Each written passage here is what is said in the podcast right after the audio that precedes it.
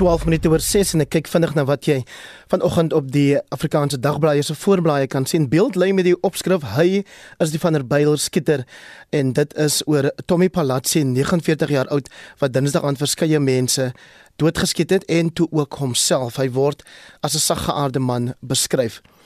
Die burgers hoofopskrif lees selfs Ramaphosa het Zuma beskerm en dit is na aanleiding van getuienis vir die Zondo-kommissie na staatskaping deur Dr Makosi Khoza, 'n voormalige ANC LP wat getuig het dat die nasionale werkkomitee van die ANC terugstappe teen die LPs van die party wie vir 'n mosie van wantroue teen oud-president Zuma gestem het, aanbeveel het in die top 6 wat deel uitgemaak het van die nasionale werkkomitee het 'n uh, president Ramaphosa toe as jong president ingesluit. Dan is daar ook 'n berig op die burger se voorblad oor Julius Malema wat wat gaan tee drink vandag by Zuma en uh, dit is ook 'n storie wat ons later in die program sal hanteer. Op vryeweekblad.com skryf Max de Pre ook vandag oor hierdie kwessie onder die opskrif oor Msholozi se vinger eis en 'n Kandla teeparty met Juju. Volksblad se opskrif is ook selfs CR het Zuma beskerm. En dan eh, Landbouweekblad berig in hulle nuutste uitgawe oor die vooruitgang in die sojaboonbedryf en die vooruitsig dat Suid-Afrika al van jaar selfvoorsienend sal wees en dus nie meer sojabone hoef in te voer nie. Dit dan 'n vinnige kykie na die koerante vanoggend. Ons SMS vraag waaroor ons ook later vanoggend in die program berig, die handel oor die Cape Exit beweging wat hulle vir die onafhanklikheid van die Weskaap beywer. Dink jy so iets is lewensvatbaar wil ons vanoggend by jou weet en wat van ander provinsies of moet daar net 'n sterk sentrale regering wees wat alles regeer en beheer? Laat weet ek vir laat weet ook asseblief vir ons hoekom jy so sê dan stuur jy vir ons 'n SMS na 45889 Dit kos jou R1.50 elk. Of jy gesels saam op Facebook by facebook.com vorentoeskynstreep ZARSG anders kan jy vir ons 'n kort stemnota stuur via WhatsApp en uh, die nommer daar is 076 53669 sies enige daar ek herhaal hom gou wat knop my tong dan nou so Die WhatsApp nommer is 0765366961 en ek sien daar word reeds op Facebook sedert gisterand gepraat John Brando wat sê dit sal idillies wees as dit 'n werklikheid word maar prakties en wetties gaan dit nie gebeur nie. Die bewering of die beweging ontken dit, maar die hele idee is op ras gegrond en dit alleen gaan dit kelder. 'n Hele paar luisteraars wat daar op Facebook reageer dan op hierdie plasing van John Brando en ek sal deur die loop van die program van daai terugvoer met julle deel. Kwart oor 6 hier op monitor. Afriforum het aangekondig dat sy privaat vervolgingseenheid klagtes gelê het by die nasionale polisiekommissaris luitenant-generaal Kesla Sitole teen polisieamptes beamptes wat glo op 'n onregmatige en irrasionele wyse beslag gelê het op duisende rande se drank by Henny's restaurant in Moreletta Park in Pretoria. Die beamptes het na bewering ook die restaurantbestuurder Atrayo Nolte onregmatig in hegtenis geneem. Die eenheid verteenwoordig die eienaar van die restaurant Werner Pretorius. Dit is nadat drie polisiebeamptes op 22 Januarie hierdie jaar die restaurant binnegestorm en beweer het dat Nolte besig was om drank aan restaurantgangers te bedien. Advokaat Phyllis Forster, 'n aanklaer by AfriForum se privaat vervolgingseenheid, verduidelik betredenswaardig dat AfriForum se private vervolgingseenheid weer eens vandag tydens 'n media-konferensie die irrasionele en onregmatige optrede van die polisiediens moet blootlê. Dit is duidelik dat die polisiebeamptes die brindelingse en onverskillige voorbeeld van die polisieminister Bekkie Cele slaafs navolg Hier is 'n bestuurder van 'n welbekende restaurant in hegtenis geneem en 8 ure in 'n sel aangehou vir die wettige verkoop van 'n nie-alkoholiese drankie. Daar is beslag gelê op 112 000 rand se drank wat egter slot en grendel toegesluit was. En wat wil julle deur hierdie hofaksie bereik? Ons bly egter hoopvol dat die polisiebestuur sal toesien dat polisiebeamptes ingevolge die wet optree en enige magsmisbruik of irrasionele gedrag sal vermy. Alhoewel die meerderheid van mense begrip het vir die maatreëls wat die regering ingestel het om die verspreiding van die COVID-19 virus te bestuur en te beperk, blyk die wydverspreide kritiek teen sekere wetstoepassers oor die hantering en toepassing van hierdie regulasies geregverdig te wees. En gaan julle nog vir meneer van Sail verteenwoordig wat vir sy baba melk gekoop het na die aandklok? Afriforum se private vervolgingseenheid het in samewerking met Lily Rautenbach, die regsverteenwoordiger van Naas Leroux, 'n formele diensklag ingedien vandag by die nasionale kommissaris van polisie. In hierdie klag word daar formele dissiplinêre optrede versoek teen die twee arresterende beamptes sowel as verskeie senior polisiebeamptes by Weerdabrug polisiestasie. Meneer van Sail is onregmatig gearresteer. Afriforum sal hierdie proses opvolg en toesien dat geregtigheid geskied. Dit is ons plig as landsburgers en die media om toe te sien dat die polisie diens voldoende opgelei is en nie hulle mag misbruik deur publiek te intimideer wie hulle veronderstel is om te beskerm nie. Dit was advokaat Phyllis Foster, 'n uh, aanklaer by Afriforum se privaat vervolgingseenheid en uh, sy het met Vincent Bofokeng gepraat. Adjunk hoofregter Raymond Zondo was verontwaardig oor onthullings dat daar aan vier ANC LPs wat met hul gewete gestem het gesê is dat hulle gedissiplineer sal word. Zondo het gereageer op die getuienis van Makosi Khoza wat uit haar amper voorsteur van die portefeulje komitee vir staatsdiens onthef is. Dit was nadat sy erken het dat sy met haar gewete gestem het ter ondersteuning van die oppositie se mosie van wantroue in Augustus 2017 in die voormalige president Jacob Zuma of teen die voormalige president Jacob Zuma. Die konstitusionele hof het 'n maand tevore beslis dat dit geoorloof is dat parlementariërs deur hulle gewete gelei word wanneer hulle vir resolusies stem. Zondo was deel van die uitspraak wat parlementslede die reg gee om met hulle gewete te stem. Hy was dus uit die weg geslaan oor Khoza se getuienis dat sy met haar gewete saam met die oppositie in die parlement teen Zuma gestem het. Daar is toe na gesê sy sal getuigtig word. Somebody and especially the secretary general of the ANC or the president of the ANC or the national working committee of the ANC says in effect anybody who has acted in accordance with what the judgment of the constitutional court said will be disciplined by the party. I can't understand that. I can't understand how that could be said in the light of the judgment. I, I can understand prior to the judgment, the constitutional court clarifying the position. Maar reeds voor dit was die ANC nie gelukkig daarmee dat parlementslede die uitvoerende gesag tot verantwoording roep nie. Sy sê die voormalige nasionale hoofsweep, Stone Zizani, het dikwels gesê dat lede van die ANC in die portefeulje komitee nie moet praat asof hulle aan die oppositie behoort nie. Sy het na die voormalige hoofsweep van die finansiële komitee, Des van Rooyen, verwys wat haar glo berisp het oor sy die voorsitter van die Suid-Afrikaanse lugdiens, Dudu Mjeni, oor die lugredery se reddingsplan uitgevra het. Mijeni se plan was om al die ou wit vleeniers met jong swart vleeniers te vervang. Des van Rooyen, the whip of the committee, then asked me why did I do something that was counter-revolutionary and that is questioning the transformation agenda that Comrade Dudu Miani was putting forward. And I was then told that I must never ever challenge comrades.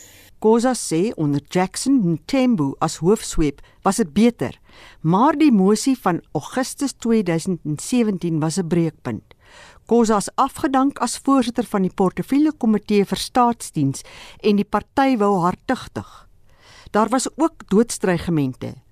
daarmee het sy uiteindelik uit die party bedank. To me it was clear that the ANC had adopted corruption as its new policy. It was an official policy because the only thing I was guilty of was to stand for that which was right. I did not do anything wrong in terms of my role as a member of parliament. I don't believe that I brought the name of the ANC into disrepute, but it appeared as though I was the one that was guilty of having done something wrong and not those that had done something wrong. So I resigned. Kosa sê solank daar 'n partytelsel soos nou is, sal die meerderheidsparty voortgaan om te dikteer hoe die regering werk met die uitvoerende gesag in staat om verantwoordbaarheid te ontglip. Pusi Shimombo van ons politieke redaksie het hierdie verslag saamgestel. Mitsi van der Merwe, SAK nuus.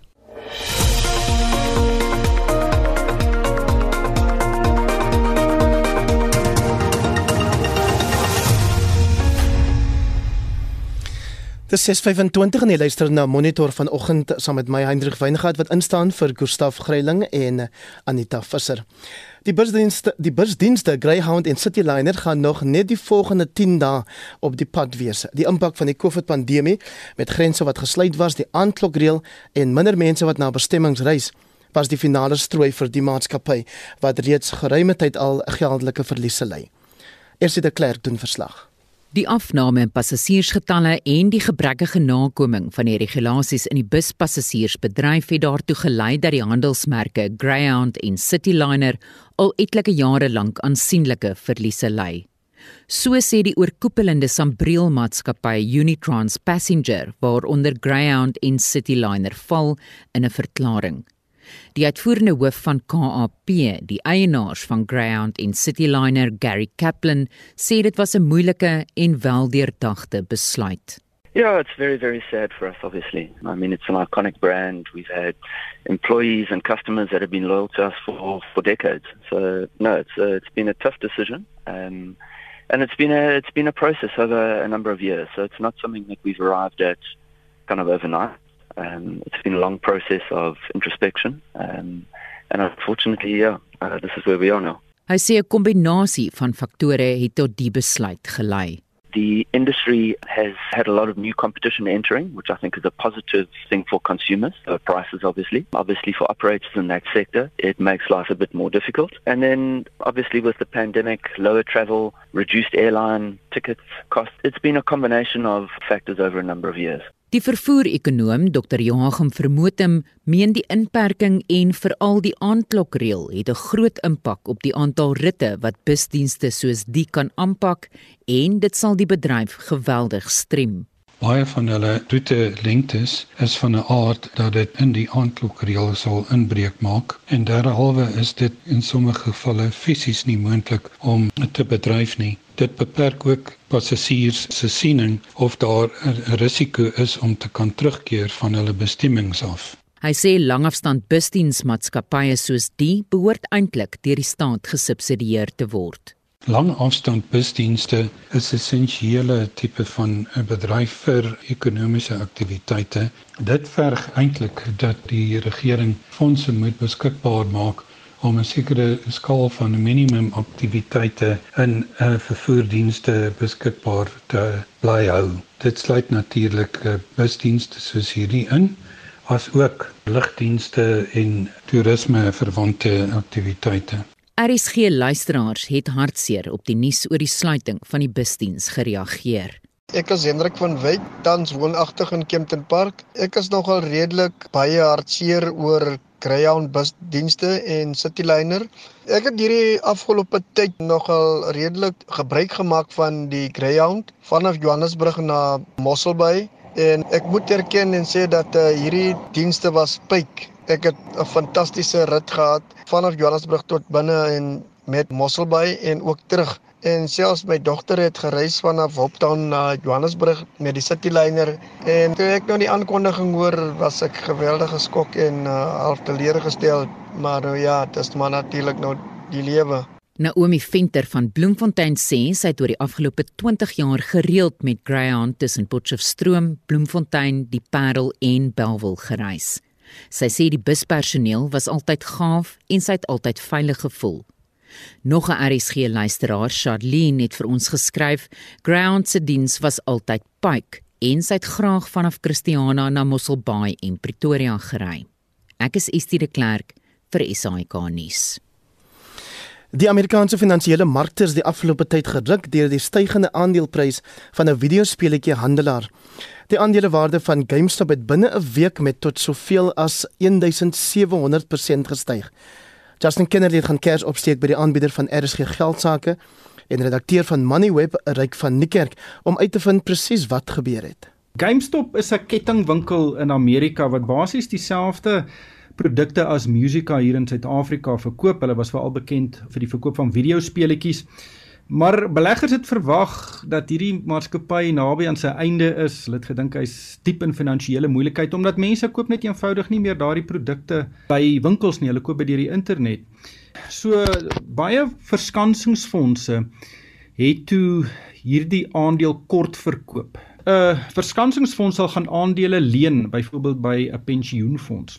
Hulle betaal 'n klein fooi daarvoor en dan gaan verkoop hulle daardie aandele wat hulle geleen het. Nou die idee is sê nou maar hulle kan die aandele verkoop teen 10 dollar 'n aandeel en daardie aandeel verloor dan waarde, dan kan hulle later daardie aandele gaan koop vir 5 dollar en dan dit teruggee vir die pensioenfonds en dan maak hulle 'n lekker uh, wins uit die hele proses uit. Wat hier gebeur het is dat uh, daar was uh, 'n uh, klomp verskansingsfondse wat hierdie aandeel kort verkoop het. Maar toe gaan 'n uh, paar beleggers op 'n beleggingsplatform sit hulle toe menings, hulle dink hierdie aandeleprys kan baie baie vinnig styg want daar's nuwe mense in die direksie aangestel en hulle kan dalk met 'n digitale strategie vorendag kom wat uh, die aandeleprys kan opjaag. Toe gaan daar baie van daardie beleggers net absoluut mal en hulle begin toe om GameStop se aandele te koop en dit jaag die prys toe geweldig op. Nou in hierdie geval het die aandeleprys deur die dak gegaan van omtrent 20 dollar per aandeel hierso die 11de Januarie en toe slaan hy 350 dollar verlede week. So die aandeleprys het geweldig gespring en al hierdie verskansingsfondse het reuse verliese gely. Hulle die aandele begin verkoop om hulle verliese verliese te beperk. Dit het die aandeleprys nog verder opgejaag en uh die die omvang daarvan is net absoluut ongelooflik. Maar dink jy hierdie is doelbewus gedoen om die verskansingsfondse hou toe te dien? Daar's verskeie scenario's wat homself hier nou uitspeel. Nou een van die dinge wat baie slim beleggers doen is hulle weet dat verskansingsfondse is in hierdie posisie uh, en daardie posisie noem 'n mens hulle ervaar 'n short squeeze. Hulle word nou gedwing om hulle aandele te verkoop om hulle verliese te beperk. En as 'n klomp mense nou begin aandele moet verkoop, wat sal hulle omtrent enige prys vat. So dit jaag die aandeleprys verder op. Ek dink dit is dalk meer verskansingsfondse wat nie die risiko verstaan het as wat beleggers hulle nou probeer boor nie. Hierdie is natuurlik nou 'n absolute uitsondering. Wat hier gebeur het, dis 'n sameloop van omstandighede. Uh dis amper 'n perfekte storm as mens dit so kan noem.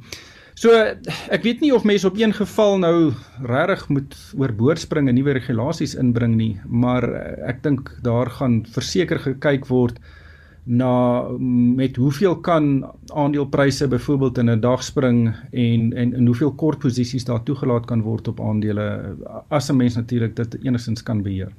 Maar daar word ook nou gesê dat baie van hierdie fondse reuse verliese gely het. Ek meen miljarde dollar. Kan hulle daardie geld terugkry of gaan hulle alle deure moet moet sluit? Ja, van hulle het tot 20 miljard dollar se verliese gely. Dis amper 300 miljard rand. Uh, dit is absolute reuse verliese. Nou baie van hulle moes al reddingsboeye kry by van hulle aandeelhouers en ek weet ook daar's 'n hele klomp wat nog nie hulle aandele verkoop het nie. Hulle wag nou maar en hoop dat die aandeleprys verder gaan val voordat hulle nou daardie aandele verkoop.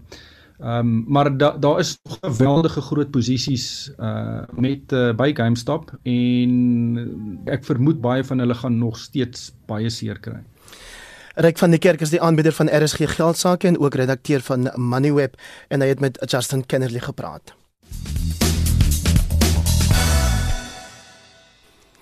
Dit maar Lenay Forsie wat vir ons vir die duur van die program die verkeer sal dophou en ek sal die SMS en Facebook terugvoer dophou oor ons vraag vanoggend. Dit handel oor die Cape Exit beweging wat vir die onafhanklikheid van die Kaap of hulle self daarvoor beywer en ons wil weet wat dink jy van die idee? en uh, of jy reken dit moet net die Weskaap wees of is daar ook 'n ander provinsie wat jy sal wil hê moet afstyg as dit ware van die res van Suid-Afrika. Op Facebook sê Fanders van der Merwe se sering is lewensvatbaar maar nie via Cape Exit nie. Die Verenigde Vryheidsalliansie is die enigste organisasie in Suid-Afrika wat reeds aan al die regsvereistes voldoen het om dit te kan laat slaag. Karel van der Merwe sê verseker, ek hoop julle gaan eh, met die regte mense praat en nie weer net met 'n ou klomp kommentators nie, maar ek dink daar's genoeg kommentaar op Facebook wat ook die saak baie goed stel. Kobus Pieters sê dit gaan deesdae meer oor politieke partye as Suid-Afrikaners en Suid-Afrika ons betaal die regering met bloedgeld waarvoor ons werk. Ons is nie skelm nie en korrup nie en geen wonder daar is nie meer vertroue in die politiek nie. Dis is waarom die Kaap wil afstyg. Faitjie Du Blank sê ja, ek dink dit is lewensvatbaar dat dit tog in ander lande gewerk, maar daar moet baie water in die see loop. Enige enige regering sal die Weskaap maar bitter swaar afgee en die ekonomiese impak op Suid-Afrika sal ingrypend wees. Jy kan vir, van jou laat hoor deur vir ons 'n SMS te stuur na 45889 teen 150 elk of jy gesels saam op Facebook daar by Monitor en Spectrum se blad. Anders stuur jy vir ons 'n WhatsApp stemnota na 0765366961. Daar's ook die van julle wat WhatsApp boodskappe stuur, soos hierdie een uit Appington het wat sê onafhanklikheid vir die Weskaap sal wonderlik wees en hulle sal dit kan hanteer. Die Weskaap word in elk geval beter regeer as die res van die land. Nou is dit 6:39 hier op RSG.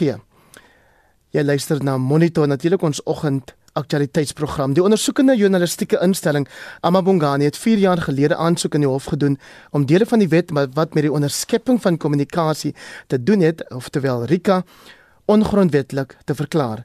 Die konstitusionele hof het Amabongani se betoog hieroor gister bevestig. Ons praat nou met Sheriz Takur van Amabongani. Sheriz, good morning. What exactly led to this application that you brought? So the genesis of this application brought by Amabongani was uh, the discovery that our managing partner, Sam Soul, was being monitored by uh, state security forces. And uh, the, he came to know this by the fact that a private communication between him and an advocate involved in the prosecution of Jacob Zuma was attached to court papers completely unrelated to him. So he got wind of these court papers and saw that his own private communications were included. And this formed the, the beginning of the court uh, application, which is now being decided at, uh, at the final instance in the Constitutional Court. And how would you explain the Constitutional Court ruling in layman's language? Okay, so there's uh, two main aspects um, to it, which I think will uh, be of benefit to South Africans in general, but also uh, very much to journalists in particular. The first is that uh, the uh, the Constitutional Court declared the practice of bulk surveillance to be uh, unlawful. So that's the practice of monitoring communications that go outside of South Africa. But when you think of things like WhatsApp or the use of products of Google, uh, a lot of our private communications are actually sent to servers out of South Africa. So in essence, a lot of that can be uh, can be monitored. So this practice is no longer uh, permissible in South Africa because the Constitutional Court found that there isn't legislation that enables it. So that's something that benefits everyone. Your private communications cannot be monitored by government. The sec- uh, sorry, can I, the, the second uh, one please go is ahead. very, thank you. The second one is various aspects of RICA were declared unconstitutional. Um, and so those are things like, for instance, the fact that RICA does not allow uh, for a person to be notified after the fact. So, in the case of uh, Sam, once the surveillance on him had stopped, if he had been given a notice to say, We were monitoring you from this period to that period, he could have taken that to court to say, Was this a legitimate use of RICA or was it unlawful? That's one aspect. There's other aspects that protect the communications between journalists and their confidential sources, as well as legal practitioners and their clients, and also just regarding the um, management of the data that they collect during service, uh, surveillance. Who gets to see it? For how long is it kept? RICA will now have to include um, uh, provisions that protect people's uh, personal information. Thank you very much for your time this morning. Dit dan Cherise Takur van uh, die Amabongani ondersoekende journalistieke instelling. Dis nou 6 byna 6:43 hier op monitor en Shaun Jooste het vir ons die jongste sportnuus. Ons begin vanoggend se verslag met cricketnuus. Die tweede en laaste toets van die reeks tussen Pakistan en Suid-Afrika het gister in Rawalpindi begin. Pakistan het die eerste dag op 145 vir 3 in hulle eerste beurt geëindig nadat hulle in die laaste sessie oorheers het. Die kaptein, Badar Azam, het op 77 nie uit nie en Fawad Alam op 40 nie uit nie geëindig. Er is geen ou luisteraars op hoogte van gebeure. Die toetsreeks tussen Indië en Engeland het vanoggend 6uur in Chennai begin. Engeland het die lood gewen en gekies om eers te golf. Die reeks sal bepaal wie na die eindstryd van die toetskampioenskappe in Junie deurdring. Die Windies het dag 3 van hulle eerste toets in en teen Bangladesh op 75 vir 2 in hulle eerste beurt begin. Die tuisspan het 430 in hulle eerste beurt aangeteken. Gister se plaaslike momentum eendagreeks eindstryd op Senwes Park in Potchefstroom tussen die Dolphins en Lions het uitgereën en is na vandag aangeskuif. Die wedstryd begin 10uur en die titel sal gedeel word indien vandag weer uitreën. Sokker. SuperSport United is gister in die eerste ronde van die Nedbank beker toernooi deur Tsakuma FC met 1-0 uitoorlê. Maritzburg United speel vanmiddag 5uur ook in die eerste ronde teen Sekhukhune. In die Engelse Premier Liga het Chelsea gisteraand se stryd in Londen teen Tottenham Hotspur met 1-0 gewen. Van die wedstryde wat vanaand voorlê, is 9uur in Duitsland, Hertha Berlin teen Bayern München en kwart voor 10 in Italië, Fiorentina teen Inter Milan. In die Afrika Nasies Kampioenskappe takel die verdedigende kampioene Marokko en Mali mekaar Sondag aand 9uur in die eindstryd. Tennis Suid-Afrika se Kevin Anderson is vanoggend in die derde ronde van die Great Ocean Road toernooi in Melbourne deur die Rus Karen Khachanov met 6-3 en 7-6 uitgeskakel. Vandag in die ATP spanbeker toernooi in Melbourne kom Servië teen Duitsland, Spanje teen Griekeland en Oostenryk teen Frankryk te staan. Op die golfbaan het die plaaslike Mark Hubbard en Matt Neesmith op 8 onder die gesamentlike voortou na die eerste ronde van die Phoenix Open in Scottsdale, Arizona geneem.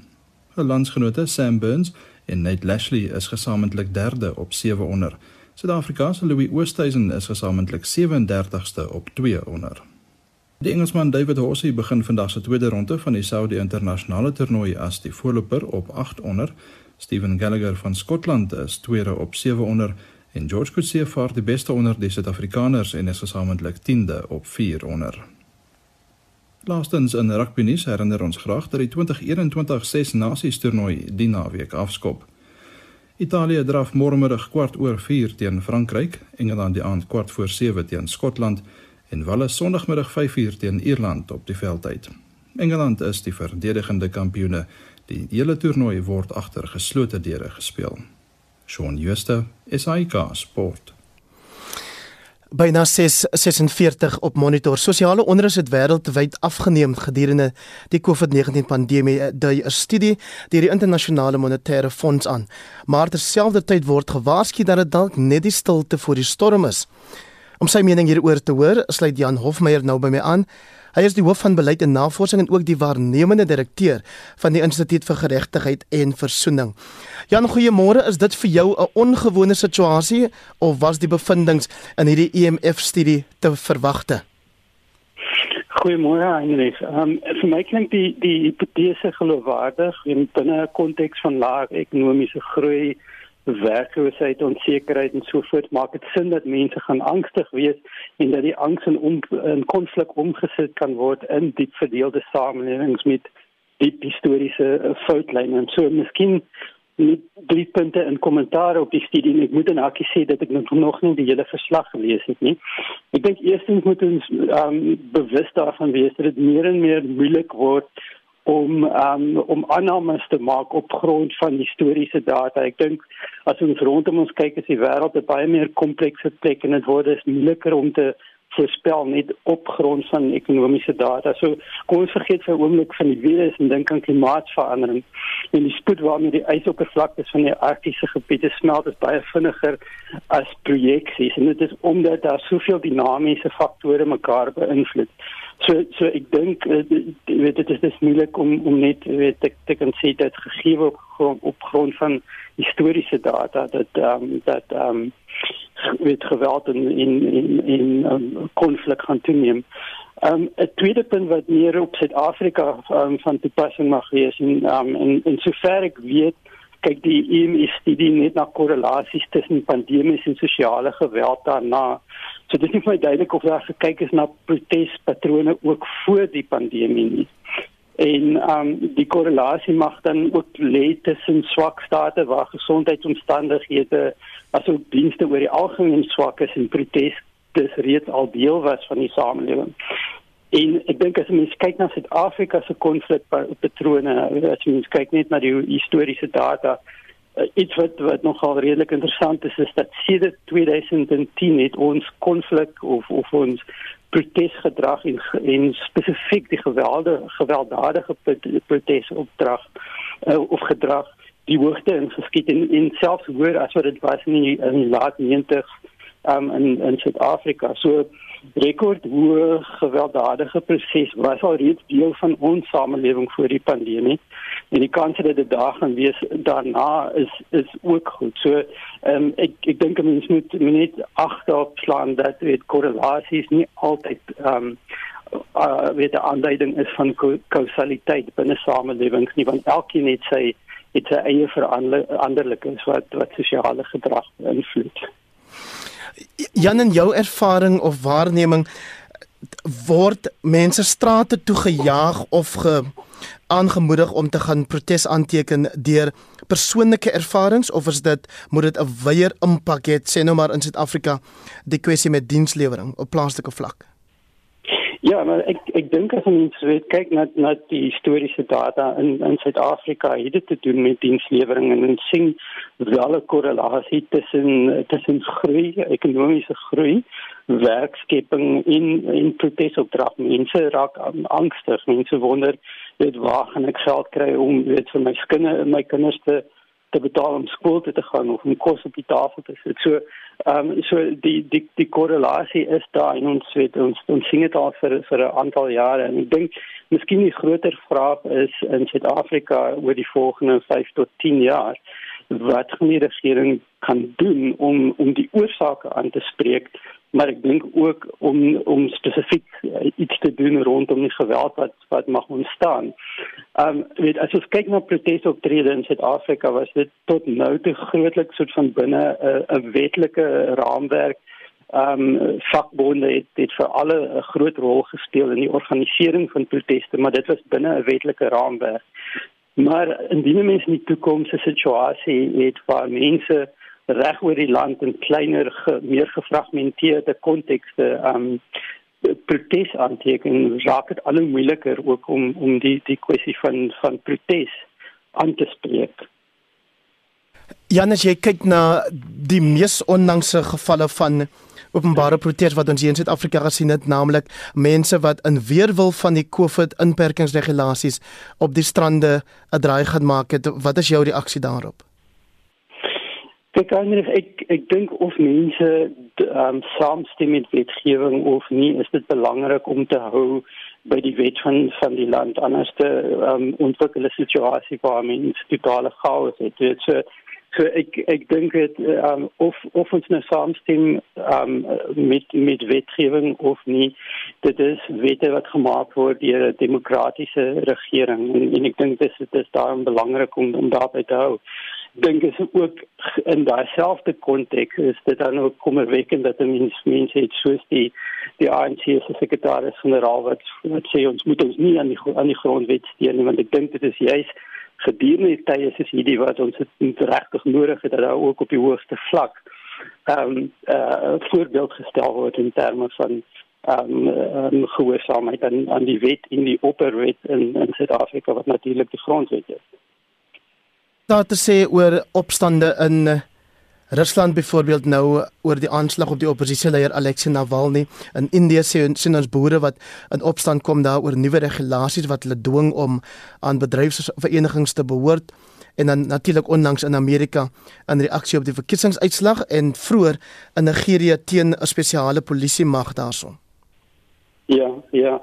Ek dink weet in in al daardie gevalle is dit sien ons weet kontekste waar die demokratiese ruimte ingeperk is. In in Indië weet ons byvoorbeeld um, die die soort van baie soort van um, nasionalistiese tendense wat wat besig is om te ontwikkel daar en ook die meer soort van autoritaire weet um, standpunte wat wat meneer Modi en ons weet weet die die die manier van van regeer soort van in, in Rusland. Ehm um, en en ook die die manier waarop dit protes word onderdruk word. En ek dink oral weet ek dink wat elkeen in in weet elkeen van daai gevalle in gemeen het is dat daar so van 'n gebrek is ook aan aan sosiale kapitaal binne die politieke stelsel wat beteken dat dat die regering sal self moet forceer um op op die die burgery om seker te maak dat wette gehoorsaam word en mense mense wil dit nie en mense wil hê dat daar daar ook um uh, weet wat hulle sê in Engels 'n alignment is tussen die waardes van van die staat en gewone um burgers binne binne die staat. Want dit dit, dit word meer en meer moeilik om die om te verseker dat wet en orde gehandhaaf word wanneer wanneer daar geen sosiale kohesie is in die samelewing. Ja, Jan, ons het so 30 sekondes vir jou om te sê wat jou reaksie is op die IMF e se rooi vlag dat die pandemie ook deur gewetenlose regimes uitgebuit kan word om op hul teenstanders toe te slaan. Moet ons in Suid-Afrika bekommerd wees? Ja of nee? Wel, eh, weet eintlik ek weet ek dink dit kan ook gebeur sonder weet voor weet vooropgestelde soort van ehm um, intensies weet uh, wat wat net weet kan gebeur is dat dit moeiliker en moeiliker kan raak vir vir die regering om wet en orde te handhaaf en ehm um, wanneer die regering nie kan staat maak weet op sosiale kohesie en sosiale kapitaal binne die samelewing nie raak dit moeiliker. Dan Jan Hofmeyer, baie dankie vir jou insette. Hy is die hoof van beleid en navorsing en ook waarnemende direkteur van die Instituut vir Geregtigheid en Versoening. 654 op monitor. Rian Brandt is besig om met 'n fiets die lang tog van Plettenberg Bay aan die Wes-Kaapse suidkus na Lambert's Bay aan die Weskus te ry. Hy doen dit om aandag op Cape Exit te fokus en ons praat nou met hom daaroor. Rian, goeiemôre. Wat is jou verstaan van die doel van Cape Exit? Haai, goeiemôre en goeiemôre aan die luisteraars. Uh kyk, ek sit as 'n organisasie uit die aard van die saak glad nie polities, nie polities, nie ras georiënteerd. Um organisasie wat uh die moontlikheid en die uh baie wettige proses van afstigting of sessie van die Weskaap ondersteun. En kyk, ek sit se doel is hoofsaaklik om die boodskap daarvan aan die mense oor te dra uh kyk ek sit uh bemoei homself daar daarvoor om uh 'n um, referendum af te roep vir die mense die keuse te gee wil hulle seseer of nie en dit is eintlik die hoofdoel van kyk ek sit Wat maak dat dit jou so na in die hart lê? Jo, dis 'n baie goeie vraag. Ehm um, ek is baie passievol oor die gedagte dat ons die Weskaap uh, onafhanklik kan kry vir die ekonomiese oorlewing van die Weskaap.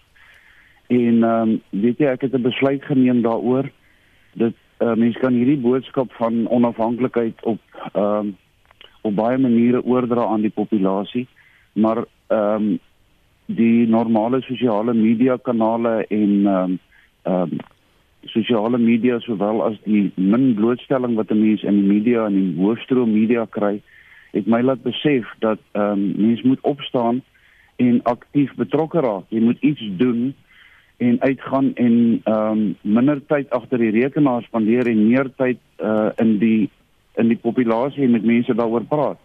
En ek het besluit om met my fiets te ry. Dit is tog 'n praktiese manier om op die grond te beweeg om by baie mense uit te kom om aandag te fokus op ons doel. Ehm um, en dit is dis vir my dit is absolute passie vir my. Wanneer het jy vertrek Rian en waar trek jy nou? Ehm um, ek het die eerste 1 Februarie vertrek uit Plettenberg Bay. Ehm um, ons is op hierdie stadium in Albertinia en ek ry so oor 'n uur se kant uh, beweeg ons aan na Riversdale en um, dan uiteindelik vanmiddag later in uh, Heidelberg. Ehm um, en so gaan die pad vorentoe.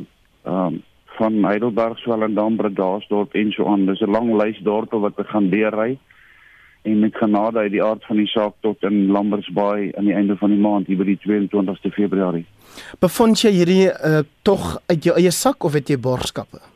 Nee, weet jy dis 'n uh, is 'n goeie vraag. Ek het borgskappe gekry van mense wat passievol soos ek is oor hierdie beweging wat passievol is oor die onafhanklikheid van die Weskaap en wat gesê het um, ons sal jou ons sal jou hiermee help. Ek persoonlik het geen finansiële voordeel daarin nie. Ek doen dit bloot omdat ek dit graag wil doen. Ehm um, ek ontvang nie ehm uh, um, betaling daarvoor nie.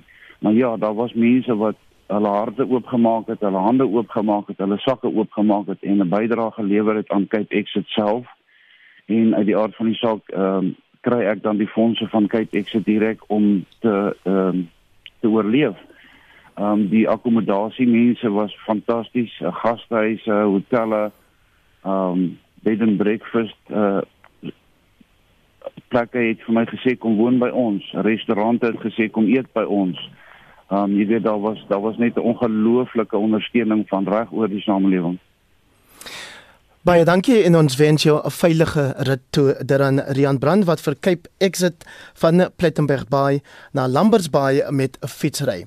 So julle weet ons vra vanoggend juis of jy saamstem met die idee dat die Weskaap moet afstyg of jy die idee steun en of jy reken dit moet ook met ander provinsies die geval wees.